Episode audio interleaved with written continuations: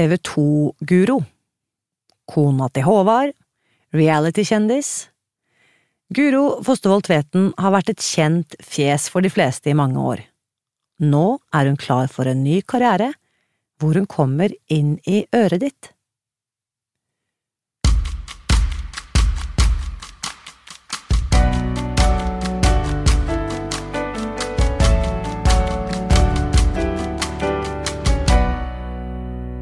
Guro, som jeg gleder meg til at du skal få møte i dag, har jeg faktisk kjent i mer enn 20 år. Året vi traff hverandre var 1998. Stedet var Bergen. Hun var allerede den gang godt etablert som TV 2-guro på Sporten. Jeg hadde praksisplass som TV-reporter i nyhetsredaksjonen på Nøstet, hvor TV 2 holdt til.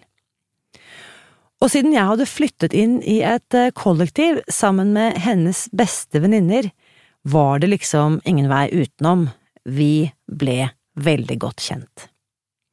Og det ble starten på en samtale som fortsatt pågår, og som du skal få lytte til i dag. Før vi fortsetter, vil jeg gjerne lese opp en tilbakemelding om denne podkasten som en lytter har skrevet inn i iTunes. Liv skriver med tittelen Podden som forandrer Helse-Norge. Liv skriver Her får du svarene på hva du skal spise, hvordan du skal spise og hvorfor du skal spise slik. Er du en av oss som sliter med overvekt og vondter, både her og der, kan dette bli din nye bibel. Lytt og lær, dette er starten på ditt nye liv. Og jeg må bare si tusen, tusen takk, Liv. Du aner ikke hvor mye det betyr for meg å lese sånne tilbakemeldinger, så tusen takk skal du ha. Kjære Guro. Og utrolig hyggelig å se deg igjen. Det er så gøy, Irina!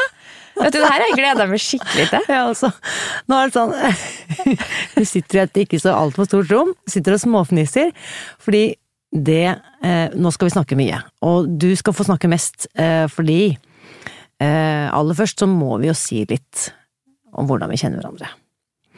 Fordi alle, hvis du bare sier hele navnet ditt, så vil jo alle kjenne deg igjen på både stemme og navn. Du er jo en merkevare i deg selv, Guro. Er det sant? Ja jeg, har, ja, jeg er jo kanskje det, eller i hvert fall vært det. I store ja. deler av livet mitt. noens er, merkevare. Noens merkevare. Fordi du jobbet i TV 2 da jeg traff deg første gang, og jeg var jo faktisk eh, litt grann innom TV 2, jeg også. Det var jo i 1998 at jeg møtte deg første gang. Tenk på det. Tenk på det. Og det har vi nå regnet oss tilbake til, at det er 21 år siden. Helt vilt. Og vi ser jo selvfølgelig prikk like ut. Det er klart. um, og da var jo jeg i begynnelsen av uh, eh, 20-årene, og det var du òg. Um, hvor gammel er du nå, egentlig? Nå er jeg 45. Ja. Jeg er 43, så du har et par års forsprang. I leder. Du leder. Eh, fordi du var veldig god venninne med hun som jeg flyttet inn i kollektiv sammen med i Bergen, i Allégaten i 1998. Ingrid. Ingrid. Ingrid Wiggen. Eh, og nå fikk jeg gåsehud over hele kroppen, eh, fordi Ingrid Altså, den arven etter Ingrid Du er jo på en måte i min bevissthet så er du i, i arven etter Ingrid en av de viktige menneskene jeg fikk møte gjennom henne. I like med Adirina. Mm. Fordi eh, Hvordan skal man oppsummere historien om Ingrid, da? Eh, altså, det som du sier, at når jeg og du nå ikke har truffet hverandre på ti år aktig, og vi skal snakke om Ingrid som det første vi omtrent skal gjøre, så kjenner jeg jo at jeg får gåsehud, og det settes i gang masse følelser, egentlig. Eh, Ingrid var jo en person som da hun døde, så altfor, altfor tidlig. Mm. Eh, kunne ha fylt 20 eh, domkirker i Bergen. Mm. Og fylte bare én. Og det er jo mer enn eh, sannsynligvis noen av oss andre kommer til å klare å mm. fylle eh, den dagen vi dør. Men hun var et helt eh, unikt menneske. Um, jeg kjente henne som min venninne helt fra jeg var 13. Mm. For dere vokste opp i Molde sammen? Vi har vokst opp i Molde sammen. Jeg spilte fotball. Ja, var veldig nære, dro på turer. hun var en nær eh, venninne. Mm. Du har jo også vært veldig nær venninne med Ingrid, og det var sånn vi traff på hverandre. Mm. Vi var så heldige å ha samme venninne, Absolutt. og at det var Ingrid. Og det um, Ingrid, det er jo um, Hun for meg står igjen som en sånn symbol på hva det er mulig å få til. Eh, og at det er mulig å leve et fullt og helt liv, selv om man bare rekker å bli 36 år gammel, sånn som Ingrid ble. Mm. Hun døde av brystkreft. Eh, nå er vi jo ikke i oktober lenger, men hver oktober så tenker jeg på Ingrid. Eh, jeg tenker på Ingrid veldig mye oftere enn hver oktober, men spesielt når vi kommer til Rose- og sløyfe-aksjonen, brystkreft, Kreft Awareness Month, hva enn det måtte være. Fordi Ingrid rett og slett bare knuste ned tabuer om hva det er lov og mulig å snakke om når man som ung kvinne havner i en situasjon som ikke er det man ønsker for livet sitt. Jeg tenker veldig ofte på det, husker du det, Irina? At da Ingrid eh, på slutten av livet, da, da hun begynte å bli virkelig dårlig, så snakka vi om at vi skulle ha filma Ingrid. Vi skulle ha filma hva hun syns om vennskap, hva hun tenker om familie, hva hun tenker om det å være ung. Og det var jo helt sånn ja, folk var helt sjokkert over at vi kunne begynne å, å, å lage ideer om at vi skulle gjøre det. Jeg husker at det var helt sånn uhørt, nesten. Eh, ei som visste at hun skulle dø, og så skulle vi filme hun og hennes tanker om verden. Hadde hun levd i dag, og, skulle, og, og visste at hun skulle dø, så hadde jo vi laga en podkast for lenge siden. Det er klart ingen hadde vært eh, fast innslag på hver eneste Ja, episode. hun hadde hatt sin egen. Hun hadde selvfølgelig hatt sin egen podkast. Mm. Eh, og, og um, ja, det som er med Ingrid, for det, det blir kanskje litt teoretisk for folk når vi sitter og snakker om en person som ingen har, et forhold til, men, men det som var med Ingrid, var at alle hadde et forhold til henne. Mm. Hun var en sånn person som mange følte var sin nærmeste. Mm. Eh, og det er jo en veldig ja, det er, en, det er en fantastisk arv å, å legge igjen etter seg, da, når man dør. At så mange følte at hun var den nærmeste for dem. Mm. Og, og ikke bare to eller tre eller fire eller ni, men mange hundre mennesker følte seg veldig, veldig, veldig nær Ingrid. Mm. Det var utrolig fint å tenke litt og snakke litt om Ingrid igjen. Ja. Og vi var jo også begge to med på Det var jo den elleville ideen jeg fikk om at hva hvis vi bare hadde samlet inn penger og kjøpt en bil til henne? Og du var en av de aller første jeg spurte. Du Guro, kan vi ikke gjøre det? Ja. Og så gjorde vi det. Ja. Sommeren 2006. Ja. Dette var før Facebook. Ja. Så jeg prøvde å eh, rekapitulere hvordan gjorde vi det egentlig. Vi lagde et PDF-dokument som vi sendte på e-post. Eh, og spurte om folk ville være med å donere penger, fordi at Ingrid hadde akkurat krasjet bilen sin, den gamle råtne Sabben som hun krasjet eh, i et eh, vått regnkryss like ved Kafé Opera i Bergen. Um, og så fortalte hun, og det var så irriterende, for jeg hadde brukt 35 000 kroner på den bilen, sa hun til meg. Så tenkte jeg, hvis vi går sammen, Gure og jeg og Tormod og noen andre, så klarer vi sikkert å skrape sammen 35 000 kroner. Ja, men, men det skal du ha for Irina, altså. Det, det at du ikke bare skrapte, for det, det var mye Irina i den ideen, og det var mye Irina i gjennomføringen òg.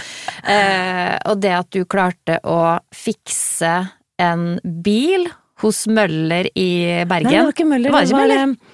Eh, Det var Og nå øh, og- Det er bare jeg som alltid har Nei, at det var det. Nei, det er de som driver med BMW. Ja, Bavaria? Nei. Nei, ikke bare ja, ja, dette kommer til meg. Ja. Uh, Det, det her må kanskje klippes ut. Nei da.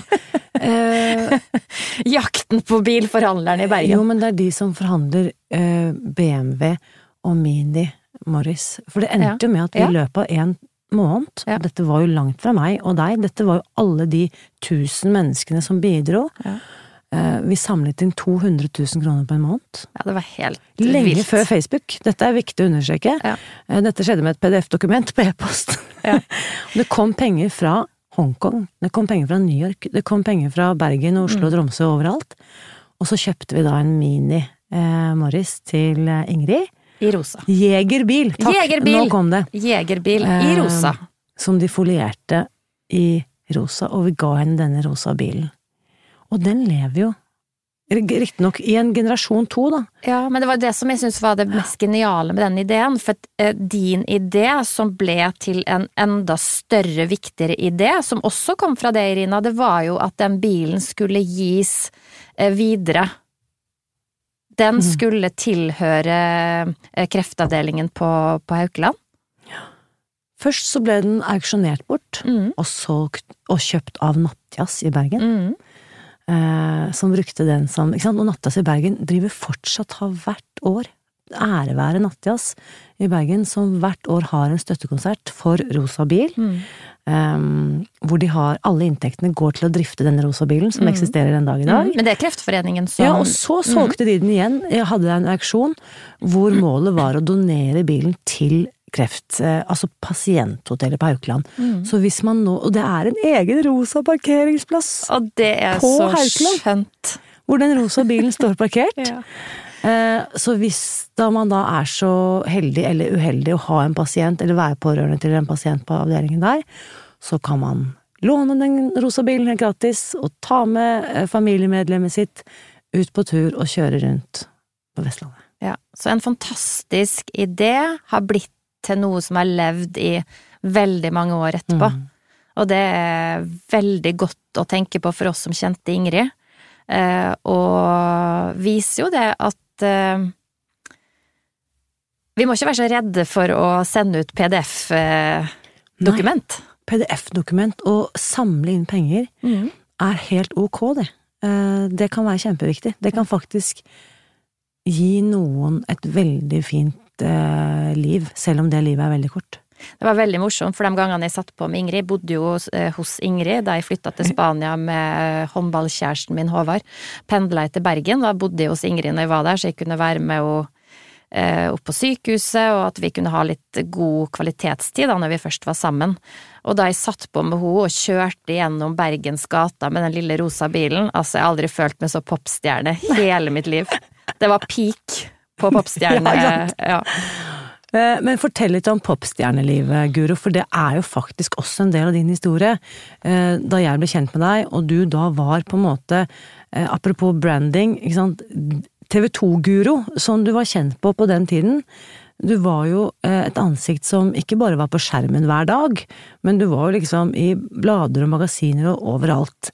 Litt den derre, for du er jo en journalist eh, i, i bånn, holdt jeg på å si. Egentlig er du journalist, akkurat som meg.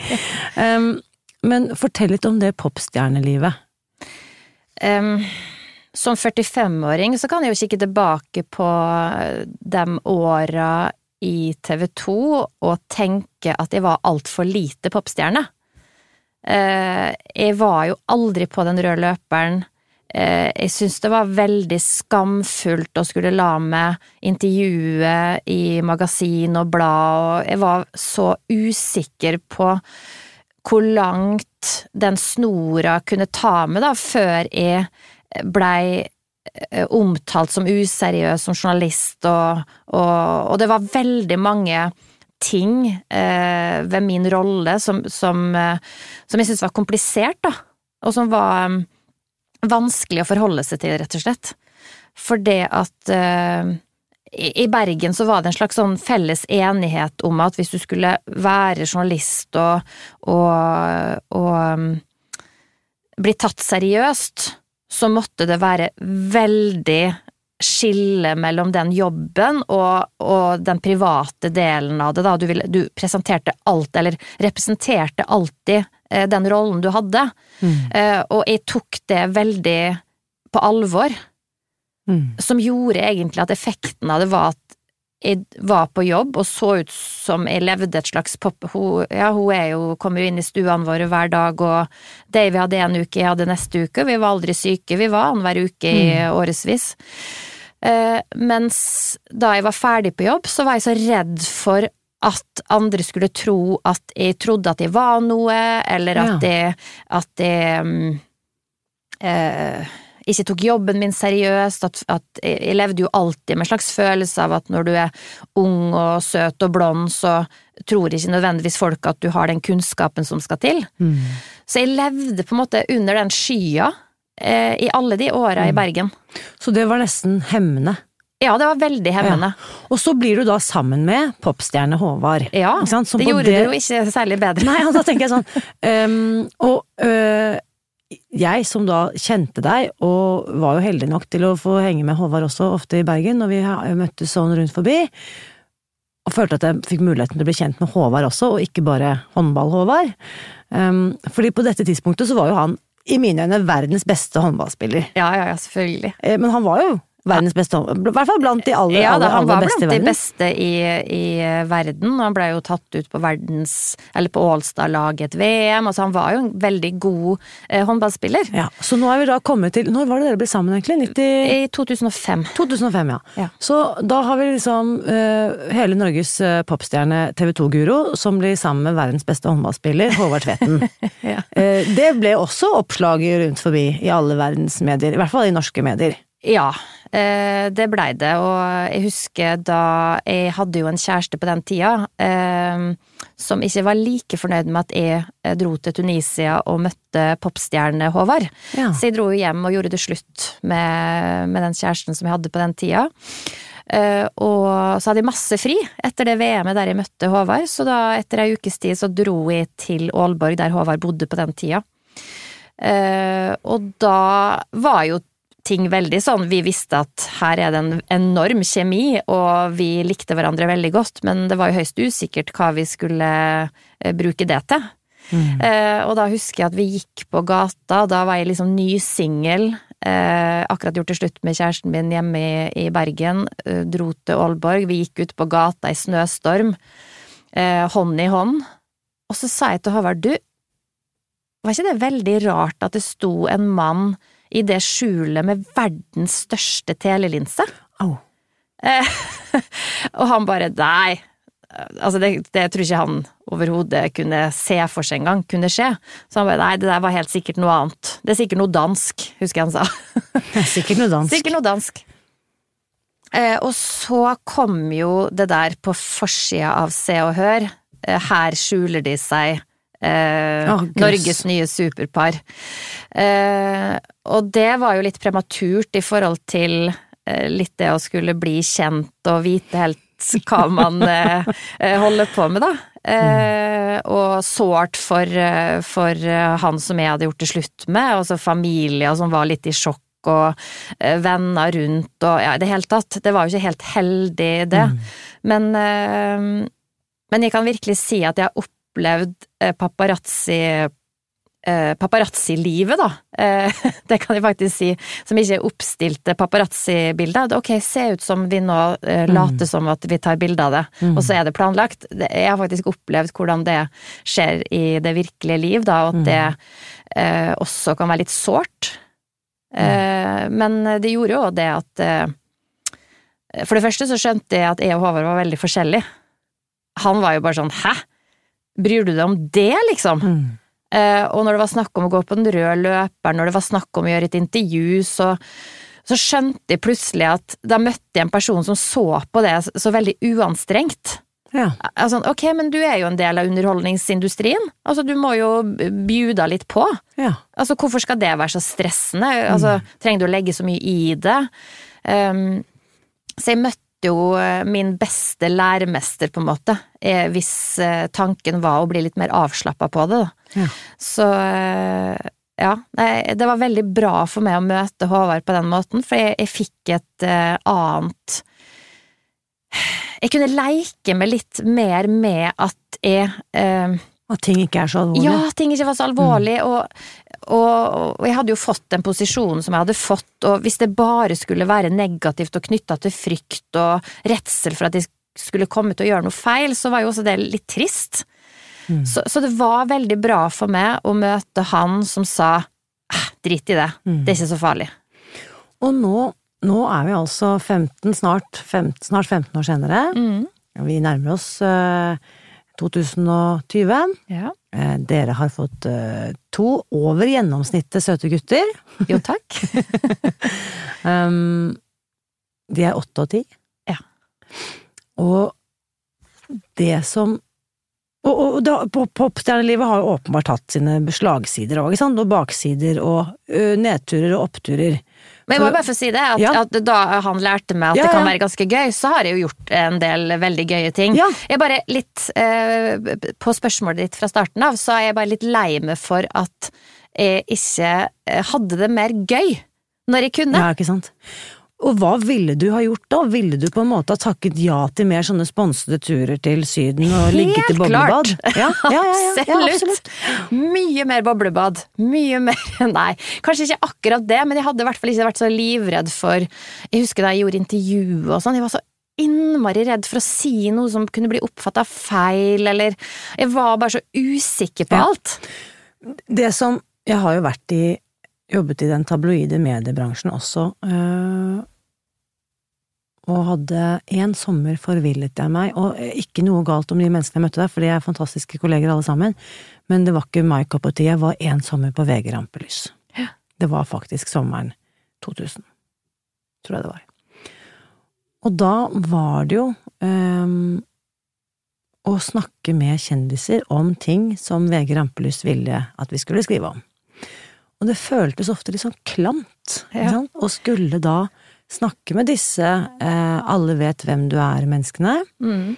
eh, om ting som egentlig er ganske privat. Det Som dem ikke hadde lyst til å snakke om. Nei, men det kunne være for eksempel være Nå skal jeg prøve å minnes tilbake. Åsleik Engmark hadde fått trillinger, Ja. ikke sant? Er det egentlig noe som eh, man som journalist har lyst til å ringe og spørre og snakke med en nybakt pappa om? Ikke jeg. Nei. Det er mange som har lyst til det, og jeg syns Jeg leser jo Jeg klikker jo på de artiklene selv, jeg, og leser. Takk og lov for at noen tør, for det er jo veldig gøy å lese om. Ja, ja, ja. Og vi trenger de journalistene som Ja. også eh, og, og mange av mine beste venner fra journalistikken er jo underholdningsjournalister. Jeg kunne nevnt dem, og du, du, du kjenner dem sikkert du òg. Men det er også, husker jeg, en eh, reportasje jeg skrev den sommeren, om en NRK-programleder som vi alle vet navnet på, som var stor stjerne på 80-tallet. Hun fylte 40 år den sommeren. Og på det tidspunktet var hun en fallert stjerne. Altså, hvor har du blitt av nå? Prikk, prikk, prikk, ikke sant? Og det var jo bare en tragisk, tragisk skjebne etter å ha brettet ut livet sitt opp og ned i disse kulerte ukepressene, eh, med og uten klær, i og, med, i og utenfor boblebad, Mm. ikke sant? Tror du ikke også at det er mange i den bransjen, i den popstjernebransjen, som brant, Jo. brenner ut? Jo, jo, og, og det er ikke det jeg sier, altså, at eh, man bør si ja til alt. Altså, det er jo veldig mange eksempler på at man bør si eh, nei til det meste. Eh, Men det å si nei til alt, det tenker jeg også man ikke trenger å gjøre. Nei. Ja til noe, og nei til noe. Nei til mye, ja til litt. Ja. Altså av og til ja til noe som bare er tøys og tøys og fjas og moro. Absolutt. For livet er jo, og det vet jo vi så inderlig godt, at livet kan være så altfor kort. Du, det må jeg bare ta et eksempel, da, for jeg har i alle år sett på Firestjerners middag, så har jeg tenkt sånn, den dagen jeg blir med på Firestjerners middag, da har liksom Da har flagget blitt firt ned for lenge siden, liksom. Eh, og vært litt sånn hånlig, litt sånn åh, Firestjerners middag, og alle dem som er der, de er bare desperate, liksom, etter oppmerksomhet. Eh, og så ble jeg spurt om Firestjerners middag da vi kom tilbake til Norge. Eh, da hadde jo jeg akkurat fått fyken i eh, Blitt oppsagt i Viasat, og var litt sånn desillusjonert over egentlig meg sjøl og alt og alle. Og så hadde det vært litt sånn trist periode, så jeg tenkte bare sånn Nei, Guro, nå er det på tide å ta litt tak. Gjør noe du ikke har lyst til. Si ja til Firestjerners middag. Beste beslutningen ever. Hadde det så gøy. Og det var sånn godt eksempel på meg for eh, all den derre Og i vårt miljø, Irina, i journalistmiljøet, vi er så høye på oss sjøl. Vi har en sånn standard som er så prega av smålighet, og vi tror faktisk vi er bedre enn andre. Veldig mange i vårt miljø rekker tror det. her nå. Ja, eh, og, vi, og vi, vi kan ikke falle ned på det der litt sånn folkelige nivået, i hvert fall. Det Du finner oss der, på dem og dem pubene, sammen med dem og dem Og vi folka. snakker bare med våre egne. Og vi snakker bare med våre egne, og vi er egentlig ganske smålige.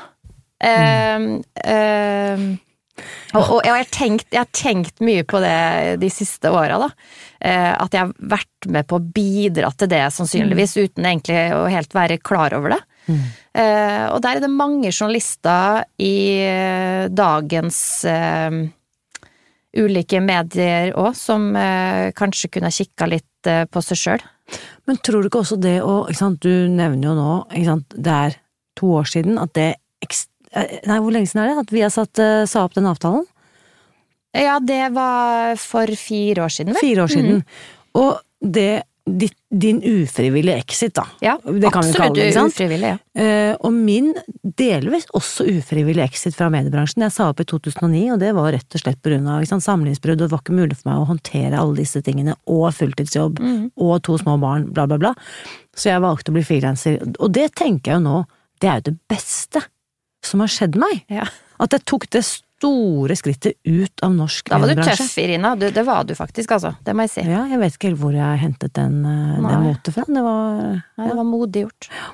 Og tror ikke du også at å se dette på litt avstand, eh, nå som vi har muligheten til å se tilbake på det og reflektere over hva vi faktisk har vært med på eh, på ulike måter, gir liksom nye perspektiver? Det at vi nå er i 40-åra, da, Guro! Ja, jeg tror det er en kombinasjon av noe levd liv og, og erfaring. Um, og Rett og slett, for mitt vedkommende så handler det i stor grad om noe ekte.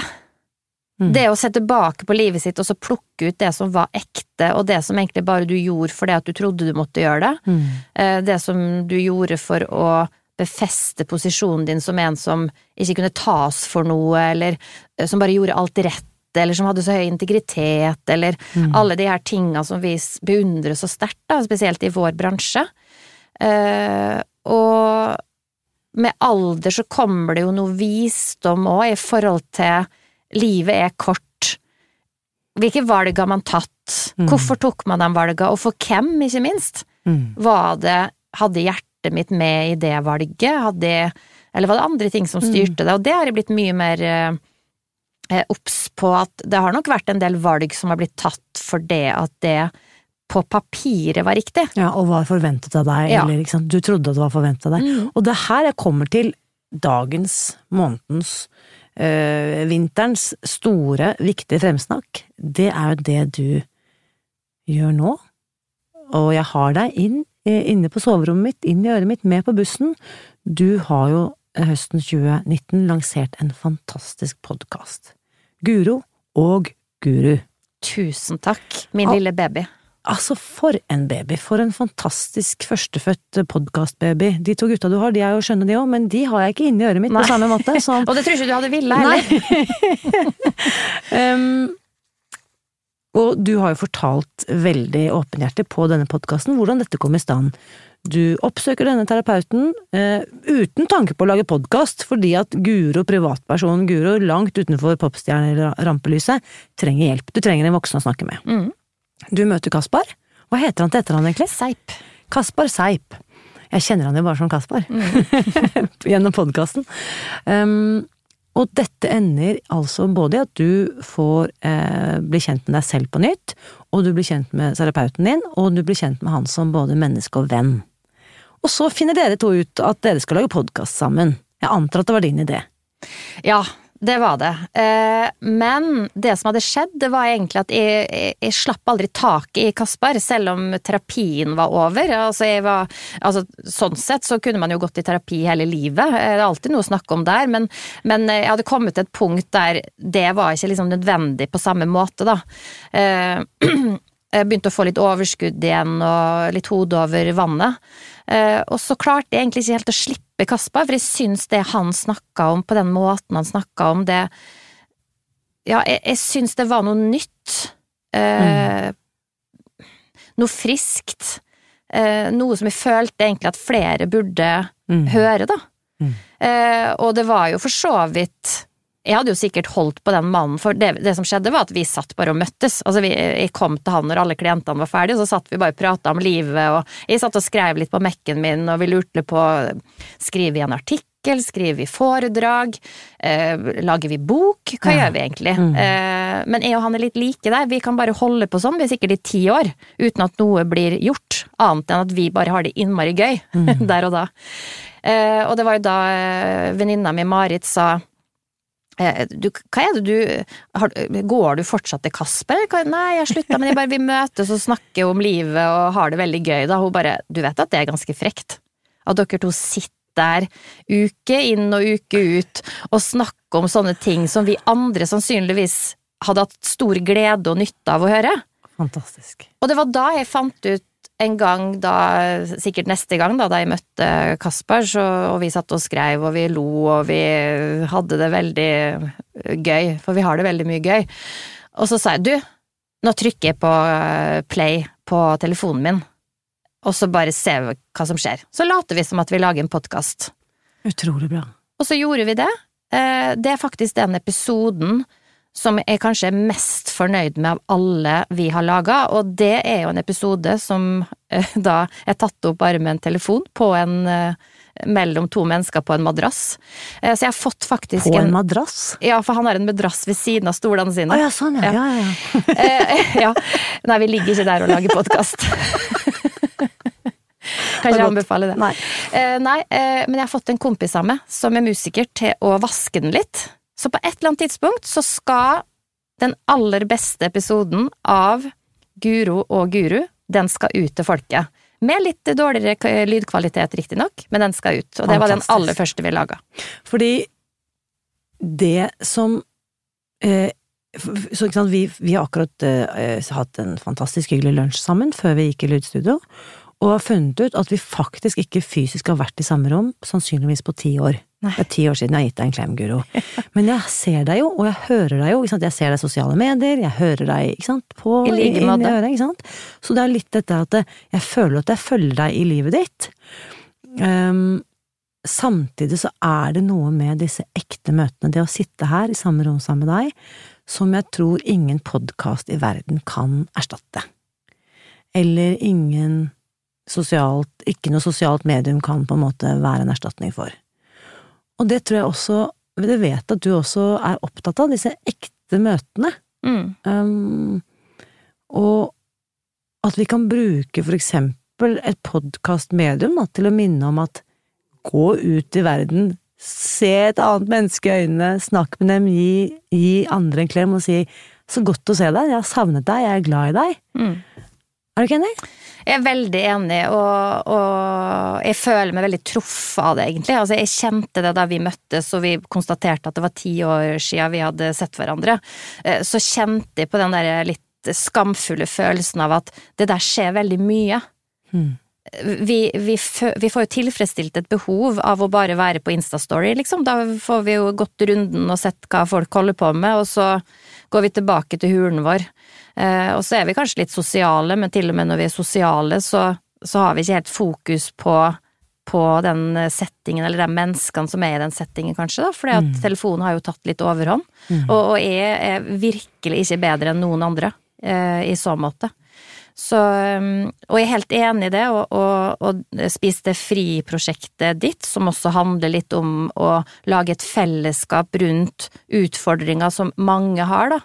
Eh, det, det er litt av den triggeren jeg føler i forhold til podkasten òg, som gjorde at, at vi, og som fortsatt gjør at vi blir motiverte til å lage podkast hver uke. Mm. Det å fortelle folk at du er ikke aleine når du syns at livet av og til er litt kjipt, og, og det er ganske så normalt.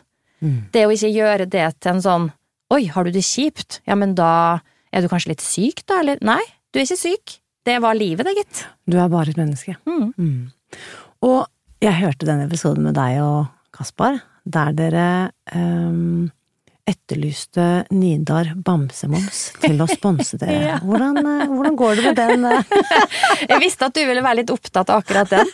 Uh, du, det har vært veldig dårlig, og så gikk jeg inn på, på um, Instagrammen til Nida Bergene, og det ser ikke ut som noen driver den. Å nei, er Nidar borte? Nei, det er noe der, men jeg tror ikke de har folk som sjekker Insta Direct, eller som går inn og, og, og sjekker liksom Det virker ikke som det er no, noen mennesker der som kanskje hører så mye på podkast og er så mye på sosiale medier. Så dere har ikke fått spons av Nida? Nidar? Nei, og det er jo, når du sa det nå, nå, nå, nå sleit du bandasjen av et veldig åpent sår. Det var, ja Nei, søren heller, hva skjer, hva skjer med folk, Irina? Hva skjer? Ja.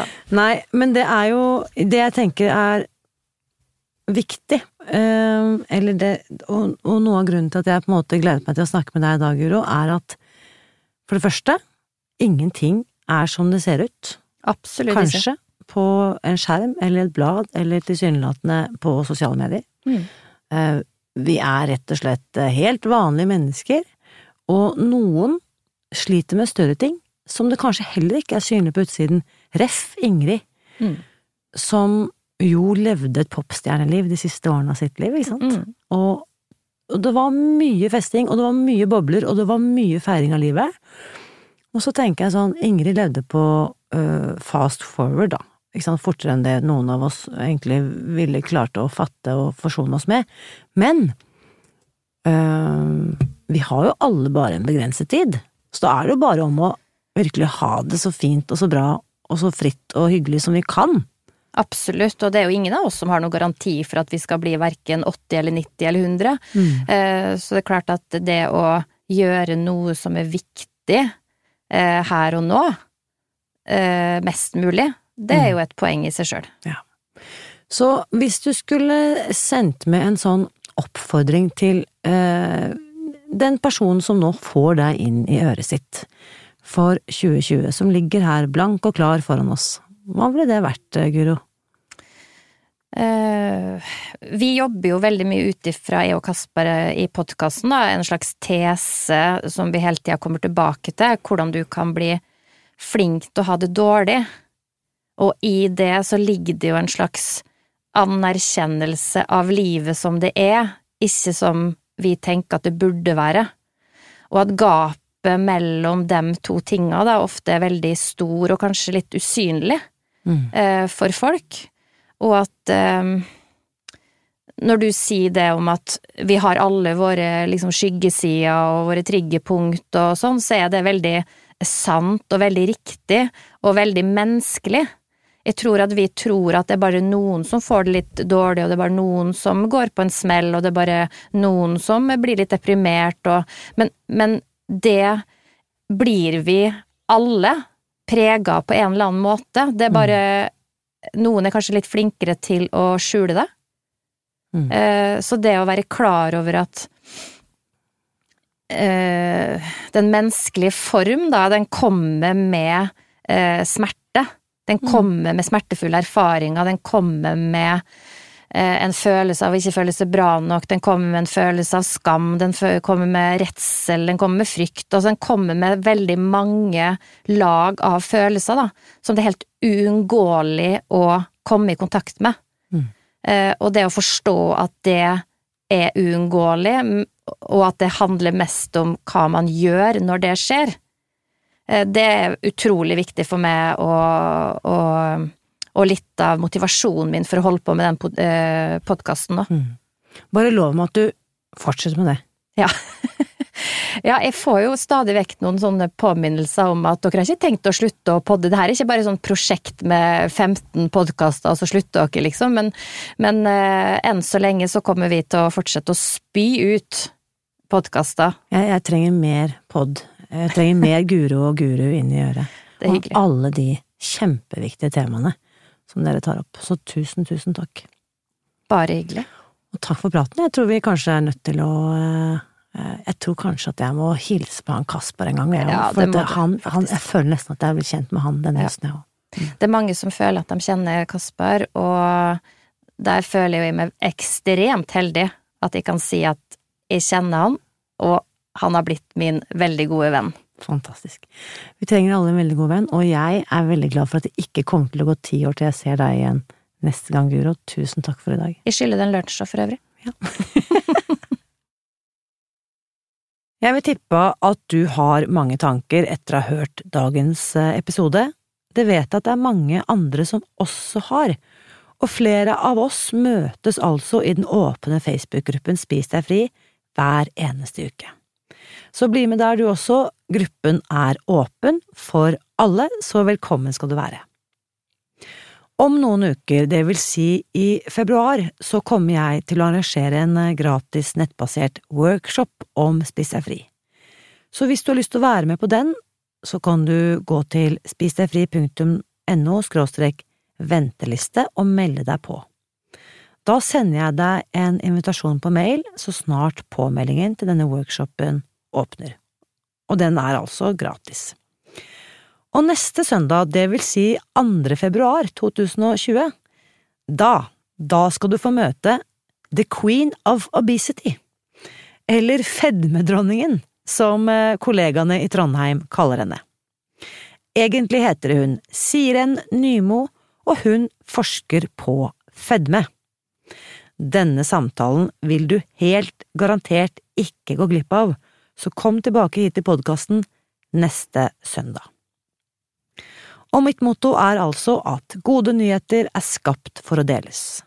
Og ved å dele dagens episode, så fremsnakker du faktisk to viktige og helsefremmende podkaster på én gang, så det vil jeg på det varmeste be deg om å gjøre.